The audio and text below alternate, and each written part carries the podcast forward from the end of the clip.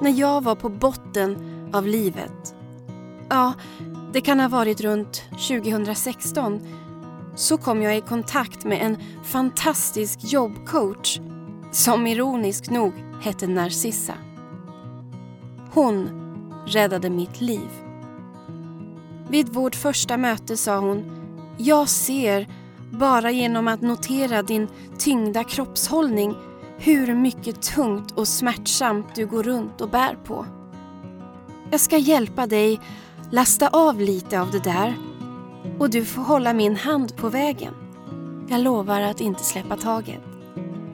Och det gjorde hon inte heller och för det är jag oerhört tacksam. Ingen hade någonsin erbjudit mig sin hand tidigare och det var exakt det stöd jag behövde istället för alla utskällningar och förödmjukelser som jag fick från min omgivning när jag var som mest sårbar.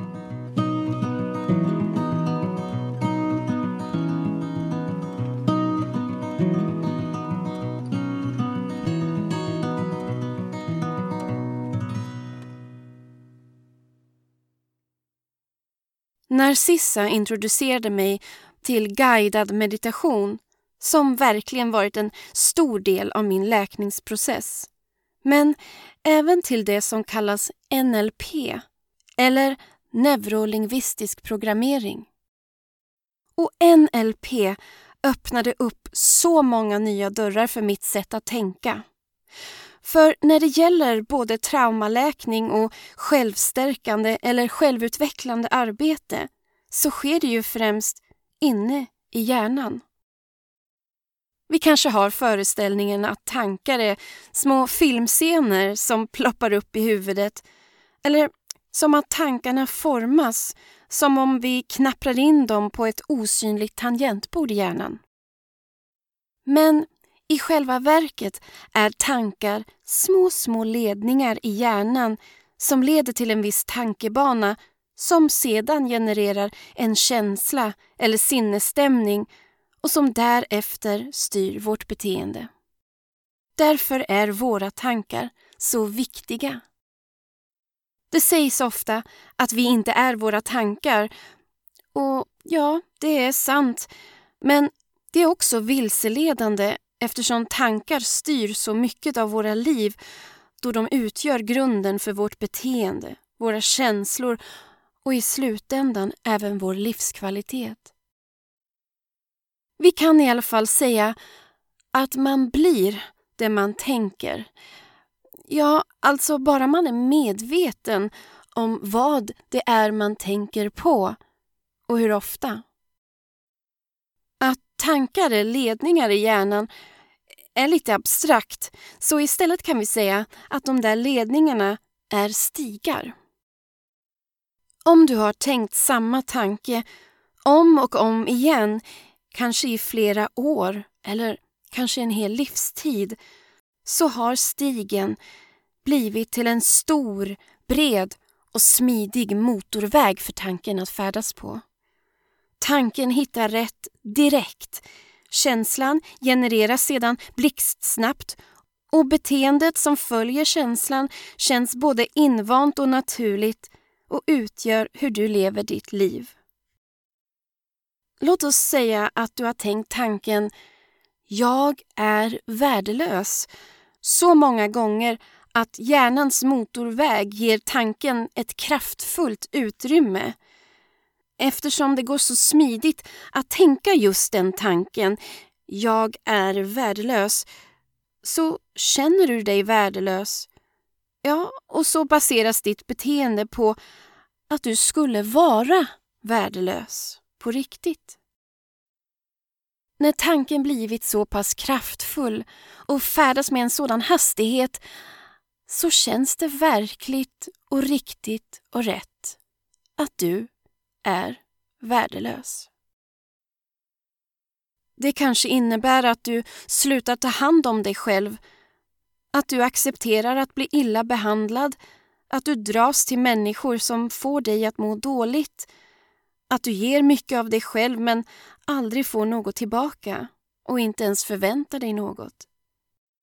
Eller att du har slutat drömma om ett bättre liv för ja, du är ju inte värd lycka, kärlek eller framgång. Det är på den här motorvägen du fortsätter susa vidare på i din egen hjärna.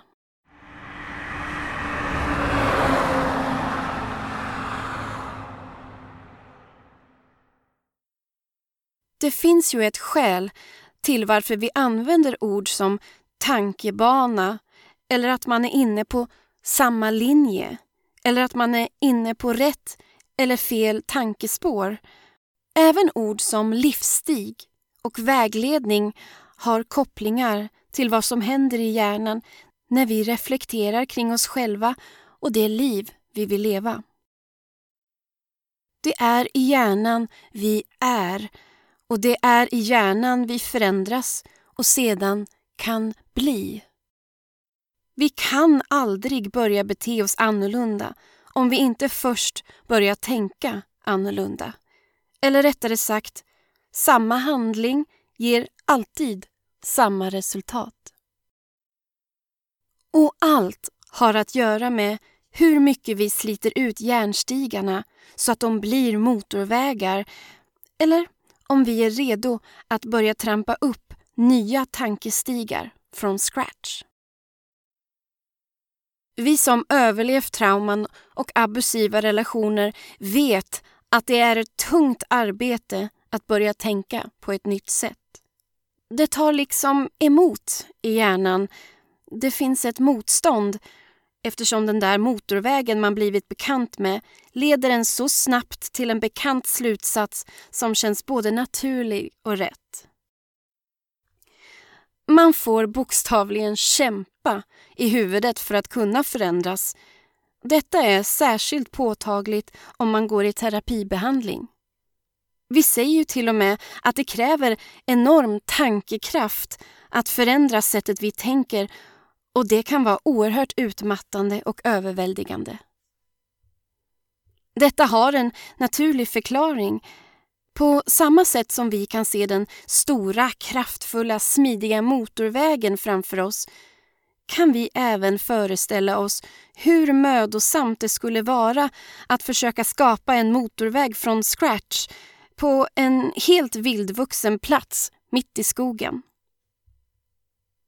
Man trampar först endast omkring bland gräs, kottar, kvistar och gamla löv tills man efter mycket möda och stort besvär skapat en stig där jord och grus gör det lättare att gå på istället för att försöka navigera genom den snåriga, ogästvänliga skogen som inte har någon naturlig riktning som leder till en slutstation.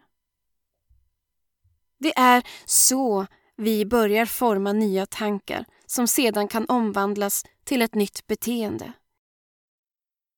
Ju mer vi tränar på att tänka en ny tanke, desto mer smidig blir den för hjärnan att forma till något som känns naturligt och integrerat i oss själva. Det är därför tankeformulering är så otroligt viktigt. Har vi ett språk för det vi upplever eller vill uppleva, alltså konkreta ord, så har vi även verktyg för att skapa dessa nya tankestigar. Försök till exempel att förklara gaslighting utan att använda det ordet. Det blir svårt att prata om det. Det blir abstrakt, luddigt och förvirrande. Men har vi ordet gaslighting som verktyg kan vi lättare strukturera tankekonceptet, organisera det så det passar in i helhetsbilden kring det vi har upplevt. Jag skulle dra det så långt med att säga att så fort man har fått ordet gaslighting och kan googla och läsa om det så skingras tankedimman som utgör gaslighting. Så kraftfulla verktyg kan ord utgöra för att trampa upp nya stigar i hjärnan. Ni har säkert hört talas om affirmationer, det vill säga att man upprepar snälla och positiva saker om sig själv så ofta man kan för att stärka självkänslan. Jag är värdefull. Jag duger precis som jag är. Eller Jag kan om jag vill, kanske man säger till sig själv i spegeln. Och man känner sig först som en pinsam idiot som flummar något new age-shit i ett försök att hjärntvätta sig själv. Men ju mer och oftare man tränar på att bekräfta sig själv på det här sättet, ju mer självklara blir affirmationerna med tiden. Vi som har blivit utsatta för psykisk misshandel, manipulation och gaslighting har ju blivit hjärntvättade av andra. Men det går precis lika bra att hjärntvätta sig själv tillbaka även fast PTSD innebär att många av ledningarna i hjärnan blivit utnötta och skadade för alltid. Därför tar det längre tid för oss med PTSD att börja tänka om och sluta susa vidare på de destruktiva motorvägarna. Efter att jag hade börjat läsa böcker om neurolingvistisk programmering så insåg jag att jag inte längre var ett passivt offer för mitt mörka förflutna utan hade all makt att skapa det liv jag vill leva men framför allt makten att bli vem jag ville bli. För jag var så jävla klar med att vara den där undergivna, offrande, censurerade och masochistiska Mia. Redan året innan hade jag köpt en anteckningsbok och börjat skissa upp saker jag ville förändra hos mig själv. Det var i min research jag snubblade på begreppet a new thinking style. Alltså en ny tänkarstil. Lite som när man vill byta klädstil eller frisyr fast man förändrar tonen och riktningen på sina tankar som sedan förändrar tonen och riktningen för ens liv. Jag gjorde två listor. En lista för min gamla tänkarstil, alltså tankar och föreställningar som jag kände mig jäkligt klar med hos mig själv. Och så en lista för saker som jag kände var jag, men som jag av någon anledning kände att jag ännu inte hade tillgång till i tanken. Typ att bekräfta och använda alla mina bra egenskaper, talanger och kunna nå min fulla potential. Jag skrev bland annat Börja utgå från att allt kommer bli bra istället för att allt kommer sluta i katastrof. Börja utgå från att jag visst kan istället för att tro att jag inte kan ett skit. Bli mer tolerant kring ovisshet utan att hela tiden freaka ut. Lära mig hantera min oro och ångest istället för att låta det styra mitt liv. Och bli bättre på problemlösning istället för att ha gråtfest och ge upp så fort det uppstår problem. Därefter gjorde jag en plan för att kunna uppnå en ny tänkarstil. Alltså ännu en lista. 1. Var medveten om mina tankar och hur jag tänker. Medvetenhet är alltid första steget mot förändring. 2. Gör mer research om hur man förändrar tankar och beteenden. Leta upp bra TED-talks och böcker att studera vidare i. 3. Öva på att vara mer närvarande i mig själv. Meditera och reflektera så ofta jag kan. 4. Rensa ut människor som ger mig negativ energi och som inte stöttar min förändringsprocess. Försonas med tanken på att bli allt mer ensam. Ja, sedan var det bara att sätta igång.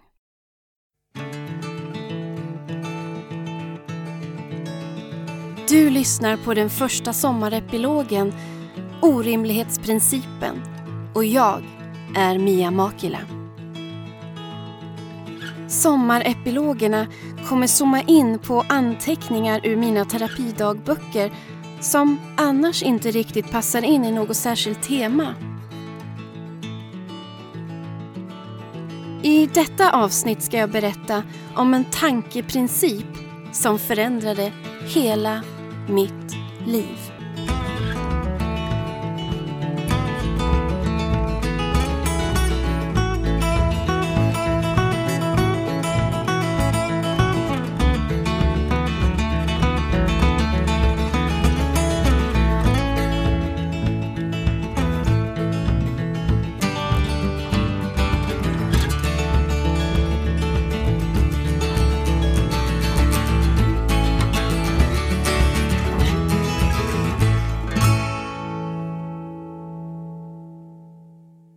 Och visst lyckades jag byta ut min tankestil.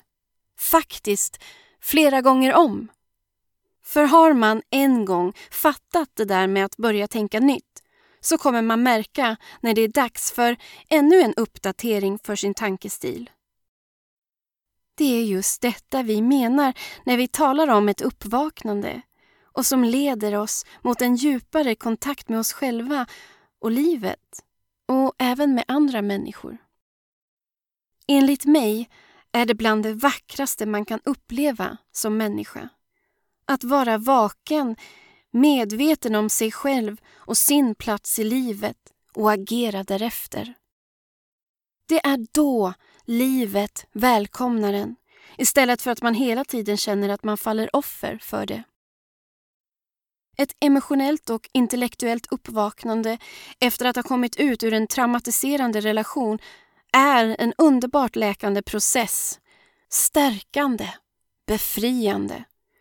Men det är också resultatet av en samling små och stora smärtsamma insikter om vem man har formats till på grund av det man har upplevt och behövt anpassa sig till. Det gör ofta ont att komma till dessa insikter. Det är inte, som man kanske kan tro, en upplevelse i stil med att stå uppe på en tibetansk bergstopp och blicka ut mot solnedgången och andas in livets meningar och mysterier genom varje andetag man tar.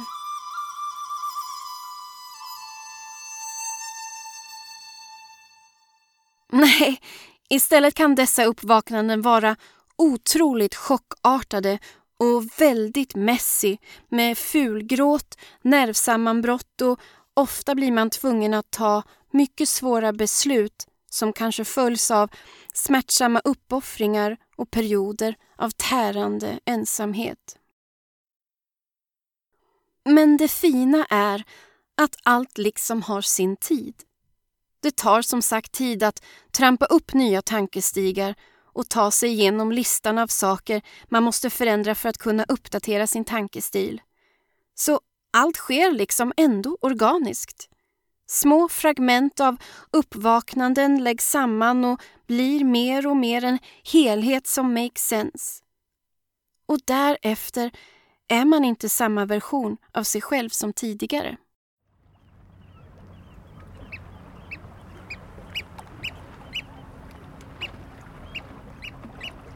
Man har samtidigt rest ifrån många människor som inte gjort samma resa som man själv utan som står kvar på kajen och undrar varför man plötsligt valt att segla iväg på egen hand enligt en enmansjolle. Fast man ska inte misströsta för det finns gott om nya, fina människor att bekanta sig med i varje hamn man väljer att lägga till i.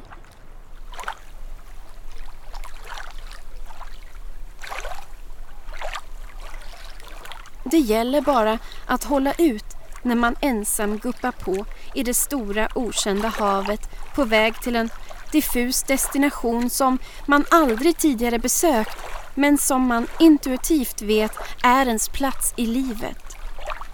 En plats som känns som hemma.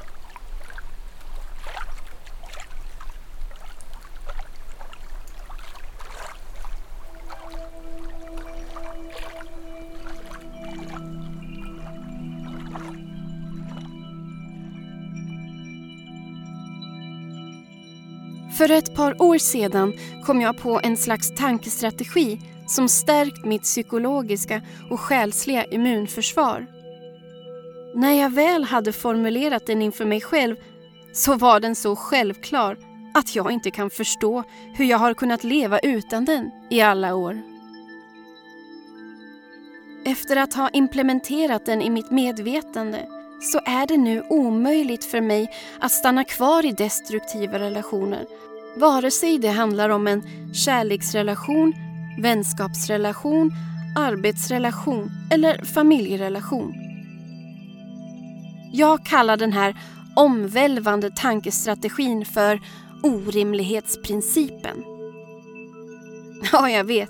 Ordet kanske inte säger er så mycket men jag ska bryta ner principen i smådelar så kommer ni förstå vad den är bra för.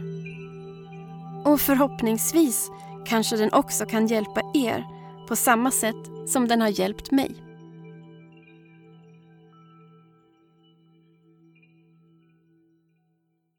Som jag talade om i dubbelavsnittet Mitt liv som sexdocka har jag alltid haft svårt att säga nej och detta har medfört extremt komplexa problem i en rad situationer där jag inte vågat säga ifrån.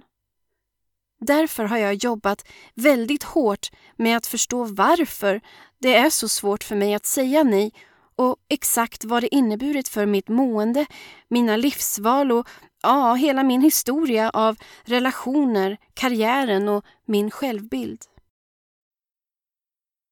Så jag gjorde vad jag gör bäst. Jag gick till min terapidagbok, gjorde research och kluddrade ner anteckningar så fort jag fick en intressant tanke. Jag skrev att inte säga nej när man inte vill är för fan helt orimligt. Hmm, den där tanken var ju faktiskt förbannat rimlig. Så jag fortsatte. Att jag inte får använda min röst utan att invänta bestraffning är för fan också orimligt. Att jag måste spela dum för att någon annan vill känna sig smartare är provocerande orimligt. Och så där höll det på. Sida efter sida fyllde jag dagboken med den ena löjliga orimligheten efter den andra. Orimliga saker som jag uppenbarligen omedvetet tyckt var helt rimliga att acceptera och godta. Men så fort jag skrev ner dem vände sig allt ut och in i mitt huvud och jag kunde se hur sjukt rimligt det var att tycka att det var totalt orimligt och oacceptabelt. En av dessa orimligheter var den förväntan jag haft på mig att vara lydig. Och om jag inte är lydig så är det helt naturligt att jag bör skällas ut och läxas upp. Ja, att alltid behöva uppfostras av dominanta män. Men jag är ju vuxen nu. En vuxen person ska väl inte behöva uppfostras och förväntas vara lydiga. Ja, om man bortser från lagen och moralen såklart. Jag fick inte ihop denna orimliga föreställning om att jag måste lyda andras vilja och skällas ut så fort jag går emot den. Så jag slängde ut en fråga på Facebook om när det anses rätt att man blir utskälld för att ha varit olydig. Kommentarsfältet fylldes snabbt av småbarnsföräldrar som skrev att man bör skälla ut sina småbarn när de har sprungit ut i gatan för att lära dem hur allvarligt och farligt det är. En pappa skrev att skälla ut ett barn som gjort något som kan skada henne själv eller andra är en bra strategi för att vägleda dem och hålla sig borta från faror. Utskällningen är av omtanke för barnet. I alla fall tills de är fyra fem år börjar man skälla på dem i farliga situationer tills man sedan kan resonera med dem på ett mer intellektuellt plan. Småbarnsföräldrar hålla sig borta från faror, omtanke. Jag fattade ingenting. Jag var ju vuxen, alltså 40 år och blev ändå utskälld lite för allt möjligt. Inte för att det innehöll några faror utan för att jag antingen gjort eller sagt fel eller för att hela jag ansågs vara fel. Jag var olydig och skälldes ut när jag skar lök på fel sätt, på fel skärbräda eller när jag uttryckte en egen vilja eller ett eget behov eller när jag tagit ett eget beslut utan att få det godkänt av någon eller när jag bar något plagg som var lite för urringat. Jag satt där med kommentarsfältet fullt av empatiska småbarnsföräldrar som delade med sig av sina filosofier kring barnuppfostran medan jag förstod att jag själv aldrig bekräftats som en person som passerat det där femårsstadiet då man skulle kunna resonerat med mig på ett intellektuellt plan. Jag insåg då att jag fortfarande behandlades som ett småbarn. Inte konstigt att min konst är full av arga barn och förvuxna streckgubbar. Att bli utskälld för allt och inget har känts helt naturligt för mig genom hela mitt liv. Helt rimligt. Jag har sett det som en naturlig ajabaja-reaktion från den som bestämmer i relationen. Men nu, med den här insikten om hur fruktansvärt orimligt det är att som vuxen behandlas som ett småbarn och att som vuxen godta uppläxningar och utskällningar för precis allt kunde jag inte gå tillbaka till att se det rimliga i det och inte heller fortsätta acceptera det. Orimlighetsprincipen hade satt stopp för det här mönstret som med all sannolikhet hade fortsatt än idag om jag inte kommit på min nya tankestrategi.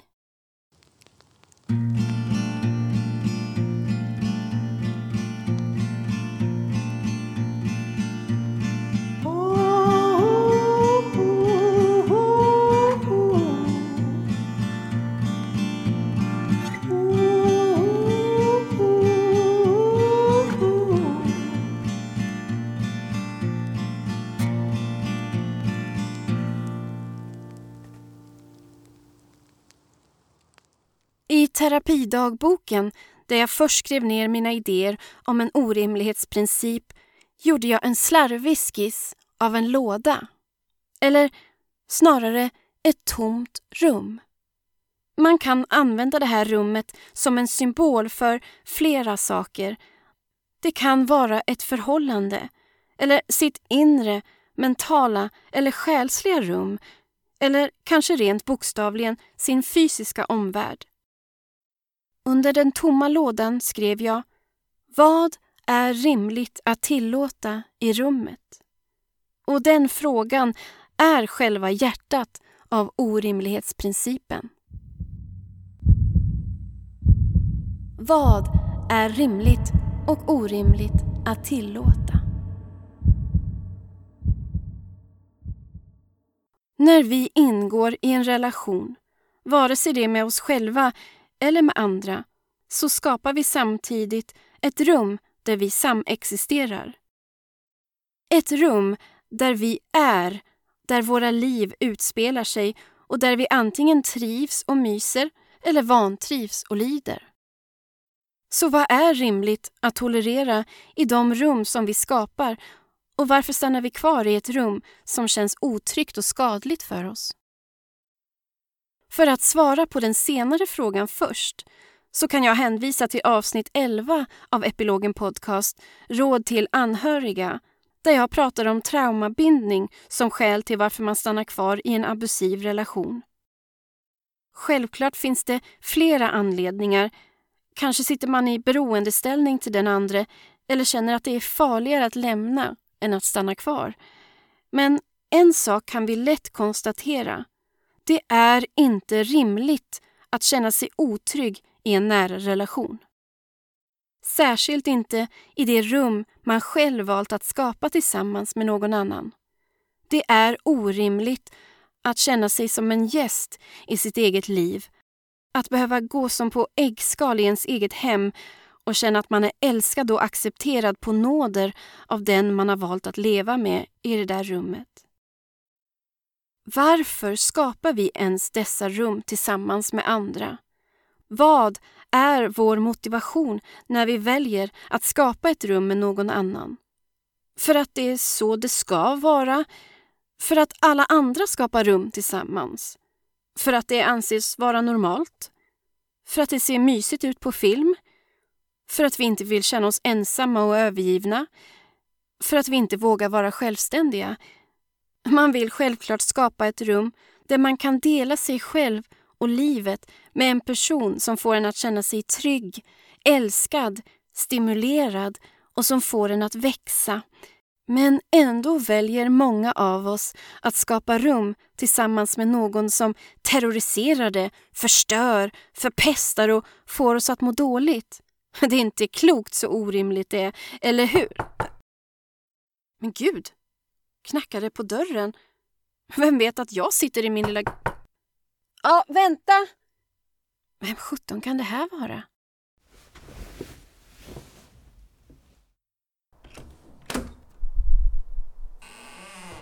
Tja! Mitt namn är Roland och jag är företrädare för Organisationen för organiserad orimlighet. Vi har fått in uppgifter om att ni skulle vara orimligheter på spåren. Var så vänlig att redovisa dem så vi lättare kan nå ut med information till våra orimligt behandlade kunder, tack. Jaha, okej. Okay. Självklart. Ska se här om jag hittar en lista som jag skrivit på um, saker som... Ja, leta på du, men jag har en aning brådis Så om ni kan skynda er så vore det jäkligt schysst. Du vet, det är så förbaskat mycket orimligheter i samhället nu. Det är klokt, ser du. Här! Nu hittade jag min lista över saker som är extremt orimliga att acceptera inom en relation. Ja, det är toppen. Kör hårt! Jag kommer anteckna ner allt medan du snattrar på. Okej. Jag börjar uppifrån då. Det är helt orimligt att acceptera att någon skriker på mig fastän jag både har bra hörsel, är intelligent och är bra på att kommunicera. Ja, det är överhuvudtaget orimligt att jag ska acceptera att någon skriker på mig bara för att de är arga att inte jag gjort som de ville eller i den takt som de ansåg var den rätta eller i den ordning som de önskade. Ingen har ju kommit till skada bara för att jag gjorde något på mitt eget sätt, i min egen takt och i den ordningen som kändes naturlig för just mig. Om ingen kommer till skada förtjänar inte jag att bli utskälld.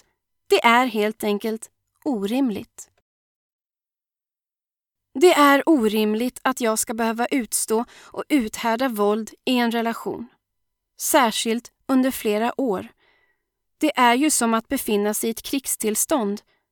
Det rimliga är att vilja fly, söka skydd och tröst där man känner sig säker på att inte bli utsatt för ännu mer trauman.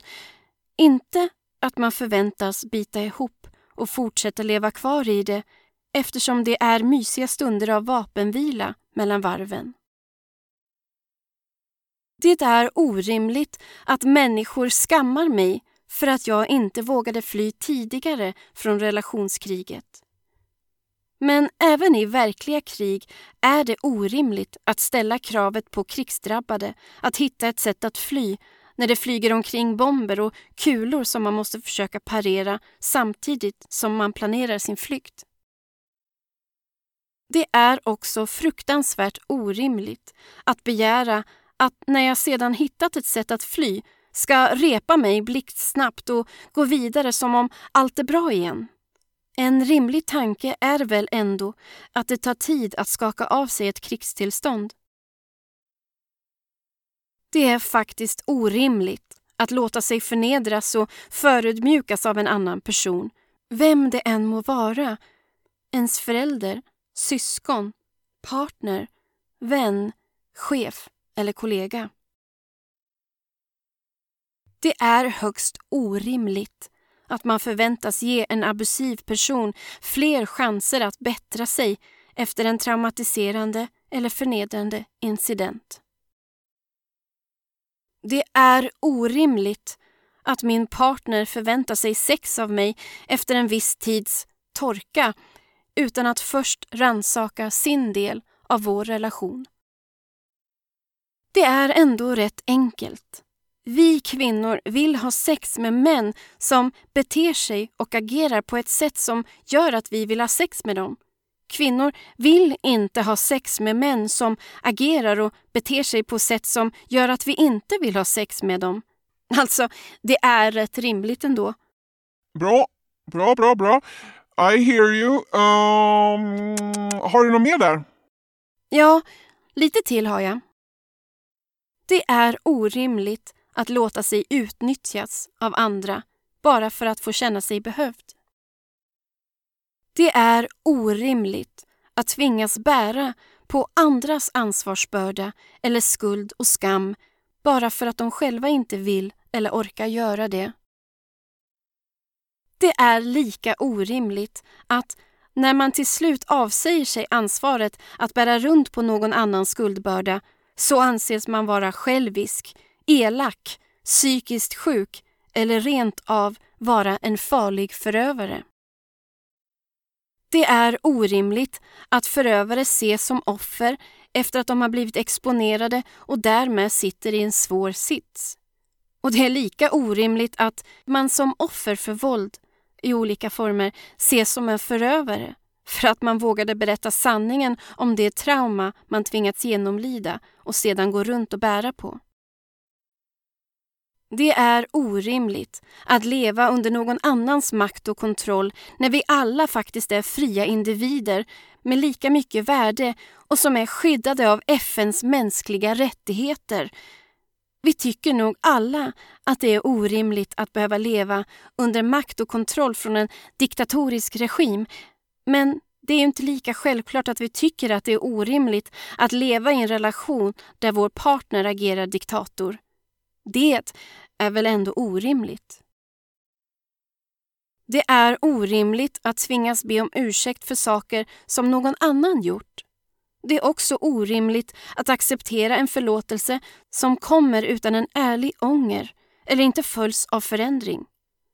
Och det är lika orimligt att en abusiv person eller hens skyddslingar använder ursäkter för att förminska eller gaslighta bort din upplevelse av hens skadliga beteende. Det är orimligt att man anses vara psykiskt sjuk, galen eller överkänslig när man står upp för sig själv och kräver förändring hos den som skadat en. På samma gång är det orimligt att inte vilja stå upp för sig själv och kräva förändring när någon skadat en.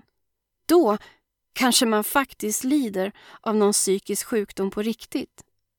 Det är även orimligt att någon du har en relation med tycker att du ställer orimliga krav när du kräver att bli behandlad med respekt, hänsyn och förståelse. Ja, och sen är det också orimligt att varje dag titta på nyheterna om man bara mår dåligt av det och det triggar ens ångest. Ja, det där kanske mer var osunt snarare än orimligt. Nåja, jag har så det räcker här så tack ska du ha. Lev väl och adjö. Jaha, okej. Okay. Hej då!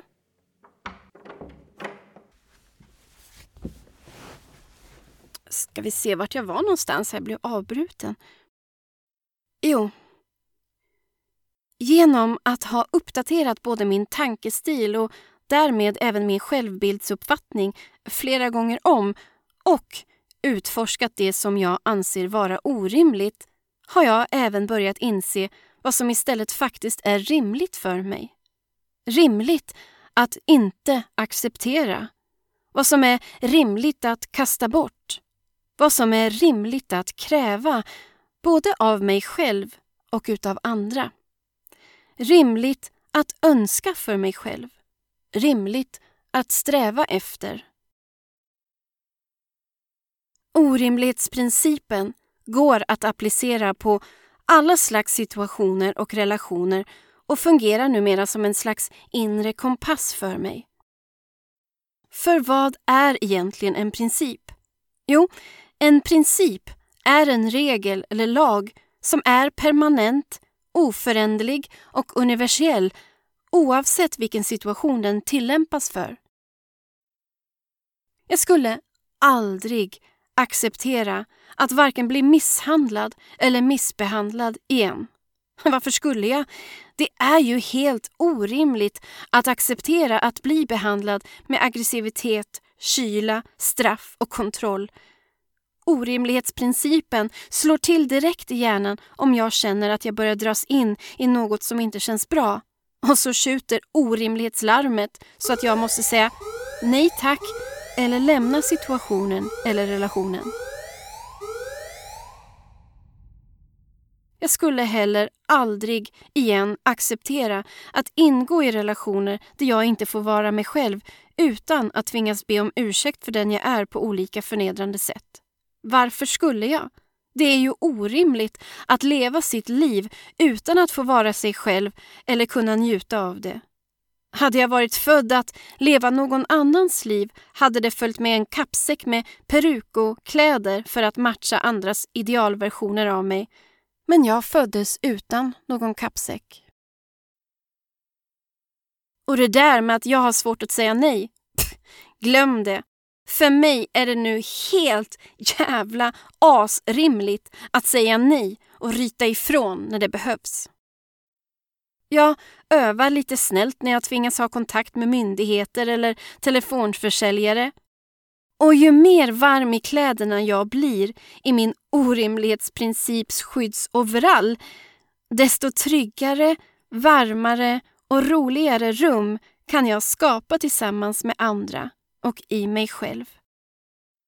Rum där jag trivs, mår bra och kan växa och där det rimliga äntligen makes more sense än det orimliga skit jag tvingats acceptera.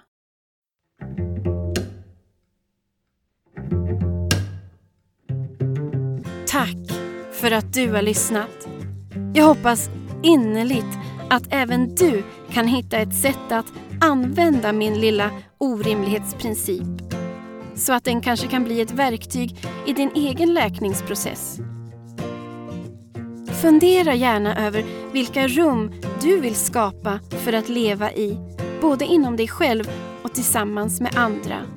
Och vad din nya tänkarstil skulle innebära. Och vad som ingår i din nuvarande tänkarstil. Men viktigast av allt, fråga dig själv vad du anser vara rimligt eller orimligt att acceptera och håll sedan fast vid vad du kommer fram till, det vill säga din egen orimlighetsprincip. Jag som skriver, framför och producerar Epilogen Podcast heter Mia Makila. Jag är konstnär, idéhistoriker och skriver på min första roman.